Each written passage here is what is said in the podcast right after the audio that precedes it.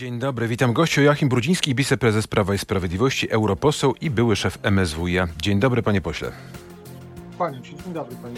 Dzień Pan poseł ze studia w Brukseli. Pytanie, czemu nie z Londynu, bo to tam dziś oczy całego świata są skierowane. Wie pan, no, dzisiaj e, są dni otwarte Parlamentu Europejskiego. Zostałem w Brukseli, ponieważ mam tutaj gości, których będę chciał pokazać siedzibę Parlamentu Europejskiego, natomiast no, nie posiadam e, fraka ani cylindra, więc trudno mi się do Londynu Nie no, zawsze się... można kupić. A to, co dziś wydarzy się w Londynie, ma jeszcze jakiekolwiek znaczenie dla świata, dla Europy, dla Brukseli, dla Polski? Jak pan na to patrzy? No na pewno ma olbrzymie znaczenie dla e, Wielkiej Brytanii dla e, tej e, ciągłości historycznej w tym wymiarze również takim bardzo mocno e, już dzisiaj e, zmedializowanym. Królowa e, brytyjska była spoiwem e, tego społeczeństwa na przestrzeni ostatnich e, kilku, nawet kilkudziesięciu dekad, kilkunastu dekad, a dzisiaj to zadanie spoczywa na ramionach jej syna, który dosyć długo, bo aż prawie 75 lat czekał, aby zostać królem Wielkiej Brytanii. No, Na pewno to, to wydarzenie jest bardzo ważne z punktu widzenia te, tego wszystkiego, co się dzieje w tej przestrzeni medialnej wokół tego wydarzenia. E, czasów Lady Di, księżnej Diany, e, członkowie rodziny królewskiej, członkowie te- tego, e, jak to się mówi, firmy Wielkiej Brytanii, tak oni sami siebie określają, no, są olbrzymią marką promocyjną i to marką, która przynosi też olbrzymie konsekwent, konsekwentnie budowane wpływy do budżetu zarówno Wielkiej Panie Brytanii, pośle, a gdyby pan na jeden dzień, tak pomaszmy sobie, został królem Polski, co by pan zrobił, co by pan zmienił, jaki edykt wydał, żeby coś się stało? Wie pan, e, ja pochodzę z sądeckich chłopów, z sądeckich górali, więc trudno byłoby mi zostać królem. Nie posiadam, e, że tak powiem, korzeni szlacheckich. Jest kilku przedstawicieli rodzin magnackich w Polsce. Mówiąc zupełnie poważnie, wie pan, to są, to są takie marzenia rodem z e, bajek dzieciństwa. Dzisiaj e, należy realizować e, realistyczną politykę, a nie oddawać się mrzonkom co by było, gdybym został królem. No to skoro o polityce pan sam mówi, to zacznijmy tą twardą politykę, bo mm, Prawo i Sprawiedliwość znów próbuje zmieniać Trybunał Konstytucyjny. To wszystko po to, by obejść protest, y, protest sześciu sędziów. Krytyka jest totalna. Ja tylko przytoczę dwa cytaty. Y, Sędzia Herbeliński mówi o łamaniu konstytucji, profesor Zoll mówi o wprowadzeniu dyktatury w ten sposób. Czy pod wpływem tej krytyki Prawo i Sprawiedliwość ustąpi? Znaczy, wie pan, akurat jeżeli odno, odnosić się do słów zarówno tych dwóch wspomnianych e, skądinąd wybitnych e, resorów prawa, de, no, to pusty śmiech ogarnia, dlatego że obydwaj jakby funkcjonowali czy akceptowali funkcjonowanie Trybunału Konstytucyjnego, e, który dokładnie według tych samych reguł e, liczebnych e, funkcjonował, które dzisiaj de facto próbujemy przywrócić. Wie pan, rolą ustawodawcy jest przygotowywać ustawy regulujące tryb pracy Trybunału Konstytucyjnego, ale ja się tutaj odwołam do słów pani prezes Trybunału Konstytucyjnego, pani sędzi Julii Przyłębskiej, która w takim no, bardzo dla mnie osobiście poruszający sposób zaapelowała w dniu wyjątkowym, bo w dniu e, 3 maja, czyli w dniu, w którym e, obchodzimy rocznicę ustanowienia e, pierwszej w Europie, drugiej na świecie konstytucji, e, aby uszanować to, co jest autonomią Trybunału Konstytucyjnego. I często my, politycy, e, a państwo, dziennikarze, jak gdyby zapominamy o tym, że w Polsce funkcjonuje trójpodział władzy. Mówi o tym właśnie pani Julia Przyłębska i ten trójpodział władzy musi być oparty również na wzajemnym szacunku. Bardzo. e, No, No tak, tylko że wy próbujecie zmieniać prawo pod bieżącą sytuację polityczną, tak żeby to było wygodne. Może prościej zrobić co innego, może prościej jednak byłoby porozmawiać z profesor Przyłębską, bo to ona jest tą osobą, wokół której toczy się spór i może ona powinna ustąpić i wtedy Trybunał byłby bardziej zgodny. Ale po pierwsze, ja odwołam się do tego apelu, który został wygłoszony przez panią Julię Przyłębską, żeby politycy nie e, próbowali, że tak powiem, e, wchodzić ze swoimi pomysłami czy kompetencjami w kompetencje sędziów Trybunału Konstytucyjnego. Dla mnie jest oczywistym, że zgodnie z obowiązującym w Polsce prawem, zgodnie z obowiązującą konstytucją, dzisiaj szefową Trybunału Konstytucyjnego jest Julia Przyłębska. Nie chcę jako polityk analizować czy, czy wchodzić w te e, wszystkie spory, które wewnątrz Trybunału no, są niezwykle gorszące. Jak słucham pana sędziego Muszyńskiego, pana sędziego Świączkowskiego, no to odnoszę wrażenie, że e, tak naprawdę ta e, ich medialna aktywność, szczególnie w wypadku pana sędziego Muszyńskiego, jest niczym innym jak taką wodą na młyn mm, tych, którzy e, dążą do tego, żeby w Polsce dzisiaj obalić Prawo i Sprawiedliwość. Sytuacja w Trybunale Konstytucyjnym jest sytuacją, która musi zostać, tak powiem, uspokojona, bo tego wymaga interes. To może, panie pośle, trzeba byłoby poprosić o mediację prezydenta. Yy, poseł Kaleta powiedział, że organem państwa, który może coś takiego robić, jest właśnie prezydent. Jego nikt nie pytał o to. Może gdyby on tutaj wszedł do akcji, byłaby sprawa załatwiona. Trybun przepraszam, pan prezydent wszedł do akcji, chociażby... Yy, Mówił, że Trybunał ma się dogadać między sobą, ale to było jakiś Kiedy... czas temu kiedy kieruje do Trybunału Konstytucyjnego e, ustawy pod kątem sprawdzenia ich zgodności z konstytucją. Tylko jeszcze raz, odwołam się tutaj po raz kolejny do słów pani e, prezes Julii Przyłębskiej. E, jest w Polsce trójpodział władzy. Władza sądownicza jest władzą autonomiczną, ale rolą władzy ustawodawczej, czyli w tym wypadku Sejmu, jest przygotowywanie ustaw, które regulują tryb pracy E, chociażby w wypadku Trybunału Konstytucyjnego. I te wszystkie zarzuty, e, ta cała histeria, która dzisiaj wylewa się z mediów ze strony tych, którzy podkreślę tu po raz kolejny, funkcjonowali w ramach e, tych liczb, które my dzisiaj proponujemy w tej ustawie, aby przywrócić no, możliwość funkcjonowania no. i od, oddalić taką możliwość obstrukcji, z którą niestety mamy do czynienia. No dobrze, a co będzie, jeśli kolejni posłowie się zbuntują i też co? Trzeba będzie wtedy znów zmieniać ustawy, żeby ten skład sędziowie, żeby, żeby sędziów było jeszcze mniej, do, wymagana liczba sędziów do tego wszystkiego? No właśnie. Tak można w nieskończoność. Na czym, na czym ma polegać ten, ten bunt? Dobrze, no każdy z sędziów dzisiaj zasiadających w Trybunale Konstytucyjnym pobiera wynagrodzenie, pobiera pensję, jest zobowiązany do tego, żeby wykonywać swoje, e, swoje obowiązki e, i ci sędziowie, którzy odmawiają dzisiaj chociażby uczestnictwa e, w posiedzeniach, tak naprawdę no, w jakiejś mierze sprzeniewierzają się mm, tym swoim zadaniom, za które, tak jak już powiedziałem, pobierają wynagrodzenia i powinni jak najszybciej do pracy wrócić. Czyli ani kroku w tył. Tak? Chyba no Nic to, nie ustąpi. To, to jest e, pytanie, czy my dzisiaj jako większość parlamentarna możemy pozwolić sobie na to, żeby e, z powodów, no, nie wiem, e, ambicjonalnych, osobistych uniemożliwiać pracę jednego z najważniejszych e, filarów E, demokratycznego państwa prawa, jakim jest Trybunał Konstytucyjny. Inicjatywa ustawodawcza na rzecz ochrony dzieci przed seksualizacją to kolejny głośny i kolejny głośny krytyka, jeśli chodzi o ten projekt e, ustawy. To wasz pomysł na kampanię tegoroczną? E, wie pan, jestem ojcem. Ja y, obserwowałem chociażby niedawno to, co się działo y, również tutaj w Belgii, w stolicy w Brukseli. Protesty rodziców E, przed, e, przed szkolami, przed szkołami przeciwko no już tak e, obscenicznym zachowaniom w szkołach ze strony różnych środowisk, no umownie powiedzmy LGBT i to wszystko, z czym mamy do czynienia, więc... Tylko, że w Polsce tego jeszcze nie ma.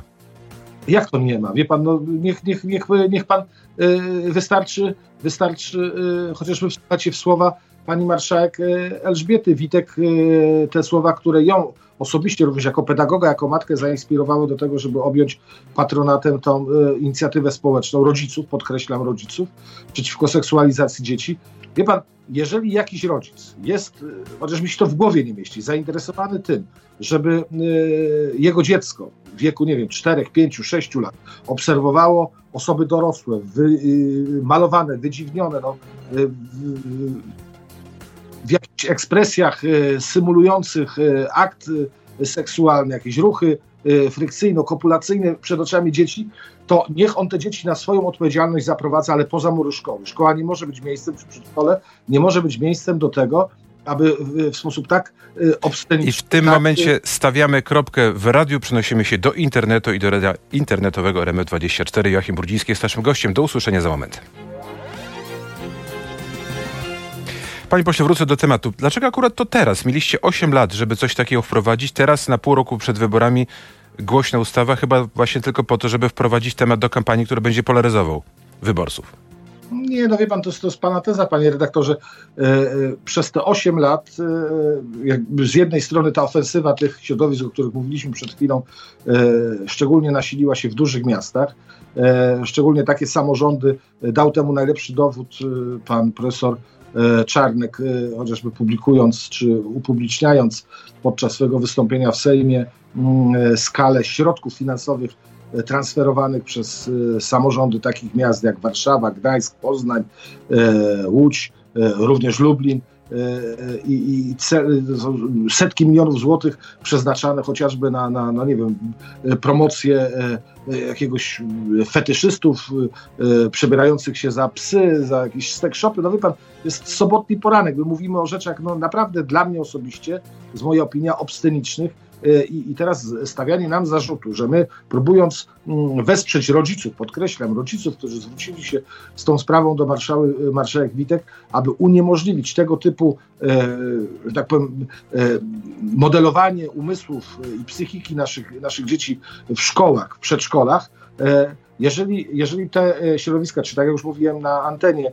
jacyś rodzice chcą, aby ich dzieci z tego, treściami się, z tego typu treściami się zapoznawały, to niech na swoją własną odpowiedzialność, chociaż ja osobiście jako rodzic uważam, że to, to, jest, to jest gwałt na psychice dziecka, mm, prowadzili ich, ale poza mury szkoły, nie wiem, na, na, na tego typu a, a mówienie i nazywanie tego edukacją seksualną jest czymś, co z mojego punktu widzenia jako rodzica, to na moich ramionach, na ramionach mojej żony przede wszystkim spoczywa odpowiedzialność za to, aby mm, w tę niezwykle e, ważną e, i niezwykle też intymną z punktu widzenia psychiki dziecka sferę, jaką jest sfera ich seksualności, ich wprowadzić.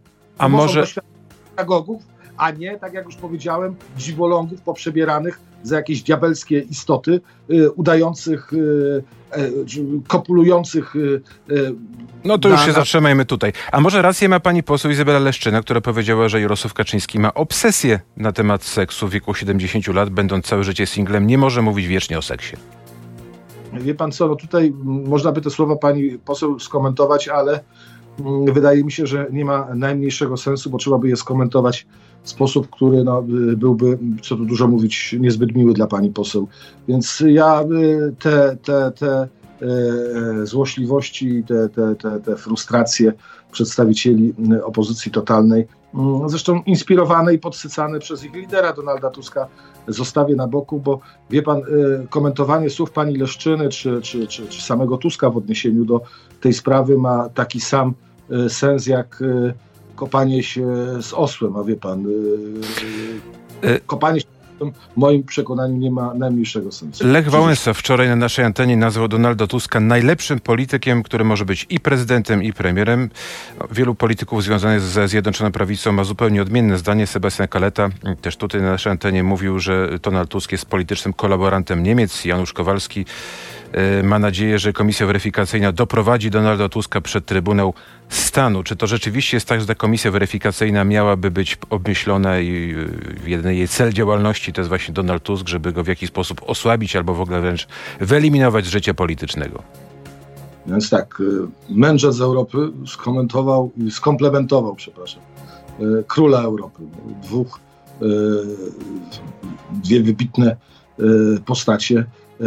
Oczywiście ja nie odbieram zasług Lechowi Wałęsie, E, jego historyczne zasługi są bezsprzeczne, e, no ale niestety często bywa tak, że pomimo e, bezsprzecznych zasług no, coś zostaje rozdrobnione. No jak ja dzisiaj obserwuję pana Wałęsę publikującego swoje zdjęcia z kolejnych jacuzzi, czy basenów, czy, czy rozanielonego, rozanielonego przydającego się do, do, do... No dobrze, a Donald Tusk, czy to nie jest tak, że Prawo i Sprawiedliwość ma obsesję Donalda Tuska i robi robi dzisiaj wszystko, żeby go z tej kampanii wyborczej wyeliminować. Ja mówię o Wałęsie. Ja wiem, wiem, tylko że bohaterem jest Donald Tusk. Tak, tak. No więc co mówię, no król Europy został skomplementowany przez mędrca Europy. Jaki, jaki mędrzec, taki król. Mm, natomiast, e, panie, panie redaktorze, e, e, jeżeli pyta pan o sprawę niezwykle ważną, bo komisję weryfikacyjną, komisję, która ma zająć się sprawdzaniem i śledzeniem... Która nawet nie wiadomo, czy powstanie, a nawet jak powstanie, czy będzie miała tyle czasu, żeby przed wyborami cokolwiek ustalić. Która, no ale my zakładamy, że te wybory wygramy i że w kolejnej kadencji oczywiście pokory nigdy dosyć, to chcę podkreślić, ale, ale zakładamy, że my jesteśmy w konkretnym miejscu historii, w konkretnym miejscu również tych wydarzeń, które Y, obserwujemy już od 2014 roku, czyli od początków agresji Rosji na Ukrainę. Te lata 2014-2022 to był czas, pomimo którego, pomimo tej wojny, która toczyła się, pomimo aneksji Krymu, jednak bardzo wielu polityków w Europie, w Niemczech, czyli w tym wypadku E, ta, której żakietu trzymał się bardzo kurczowo Donald Tusk, czyli Angela Merkel, prowadziła politykę de facto prorosyjską, politykę, która uzależniała e, nas energetycznie od Rosji, a tutaj w Polsce mieliśmy również do czynienia z działaniami, które którym należy się przyjrzeć. Tylko ja zwrócę uwagę, że my te prace komisji zakładamy e, na lat, za lata 2007-2022. To nie jest tak, że, że to jest komisja skierowana tylko i nie mamy żadnej obsesji Tuska. My się Tuska, wie pan, e, nie boimy. E, my mamy realistyczną ocenę Donalda Tuska. Pan przywołał tutaj słowa moich kolegów, którzy określali Tuska mianem kolaboranta niemieckiego. Ja takich słów nie chcę używać, ale wiem jedno, że cała, e, cała kariera Tuska była oparta właśnie o to kurczowe trzymanie się e, żakietu kanclerz Angeli Merkel. Joachim Gauck w ostatnich dniach bardzo mocno skrytykował mm, byłego kanclerza Niemiec Gerharda Schrödera, ale również kanclerz Angela Merkel za ich politykę prorosyjską. Jeżeli nawet w Niemczech dostrzega się e, błędy tej polityki, to my nie możemy być jak te buddyjskie małpki, udawać, że nic nie widzimy, nic nie słyszymy, nic nie mówimy. Tusk i jego ekipa, jego ministrowie e, z Sikorskim, e, z Nowakiem, z Pawlakiem prowadzili politykę ewidentnie prorosyjską. Ten reset zaproponowany, odejście od i też w jakiejś mierze upokarzające dla Stanów Zjednoczonych rezygnacja z budowy tarczy antyrakietowej na terytorium Polski. Ta wizyta Tuska w Moskwie, na Placu Czerwonym, te nagłówki gazet Nasz Człowiek Rosji, a w końcu przede wszystkim uzależnianie nas od rosyjskich węglowodorów, to coś, co musi zostać wyjaśnione. A wie pan, my nie jesteśmy w jakiejś bańce, w jakiejś próżni. Za naszą wschodnią granicą toczy się realna wojna. Były prezydent Rosji, Dmitrij Medvedev w ostatnich dniach powiedział, że polskich y, najemników na Ukrainie trzeba zlikwidować No tak. No. niejednokrotnie no. bardzo źle o nas mówił, to samo inni politycy no, rosyjscy realne zagrożenia my nie możemy kierować się tym, że, że nie wiem, dzisiaj Wałęsa komplementuje Tuska, więc my nie będziemy zajmować się tym, co Tusk robił jako premier Rzeczpospolitej. Czyli Tuska się nie boicie? A czy boi się pan, że 4 czerwca na marszu Tuska w Warszawie może pojawić się na przykład milion Polaków, którzy będą niezadowoleni, pokażą to niezadowolenie wobec rządu PiSu, wobec tego, że są wysokie ceny, bo taka też jest e, narracja tego marszu. Platforma mówi, że chce pokazać, że nie chce rządu, który rozkrada Polskę, niszczy instytucje publiczne i wyprowadza Polskę z Unii Europejskiej gdybym ja się obawiał yy, frekwencji na marszu organizowanego przez Tuska, no to co, co miałbym do roboty w polskiej polityce. No już tak powiedziałem się. Nie, ale to będzie taki dzwonek alarmowy, który pokaże dzisiejszej władzy, że nie powinna iść tą drogą, albo powinna ustąpić miejsce inne. To, że Tusk zwiezie, nie wiem, autokarami, pociągami z największą partią opozycyjną, ma na to środki, że przywiezie e, kilka tysięcy czy kilkanaście tysięcy swoich zwolenników, swoich samorządowców, e, czy też e, spróbuje zmobilizować ludzi, którzy no, niespecjalnie pałają sympatią do Prawa i Sprawiedliwości. No, no taka jest polityka. Proszę zobaczyć, co się, co się dzieje dzisiaj na e, ulicach Paryża. Ja mogę jako były minister spraw wewnętrznych tylko zapewnić, że, że takiej, takich obrazków świat czy Europa nie zobaczy, dlatego że mamy profesjonalną policję. Polska jest demokratycznym państwem prawa. E, ludzie mają prawo do demonstrowania.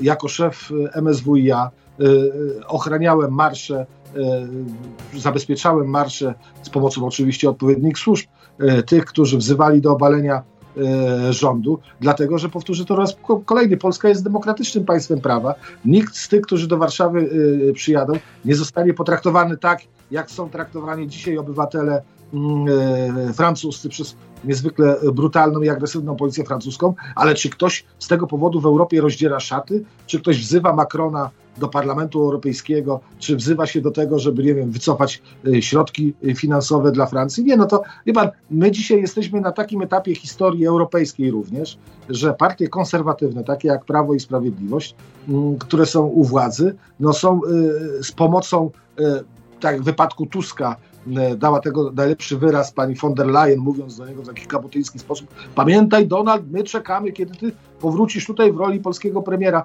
O, figa z makiem to Polacy decydują, a nie von der Leyen. To, że Tusk zwiezie kilka tysięcy swoich zwolenników, sympatyków, że być może zmobilizuje mm, tę część e, warszawiaków, którzy no, niespecjalnie Prawo i Sprawiedliwość, tu wiem, że była sprawa jasna, nie mam nic przeciwko temu, no, jesteśmy demokracją, nie jest powodem, żebyśmy tutaj wpadali. Panie pośle, patrzy na zegarek, czas ucieka, musimy kończyć powoli, mamy jeszcze kilka ważnych pytań do pana, między innymi czy zdecydował już pan, że wróci na ulicę Wiejską w Warszawie, do polskiego Sejmu?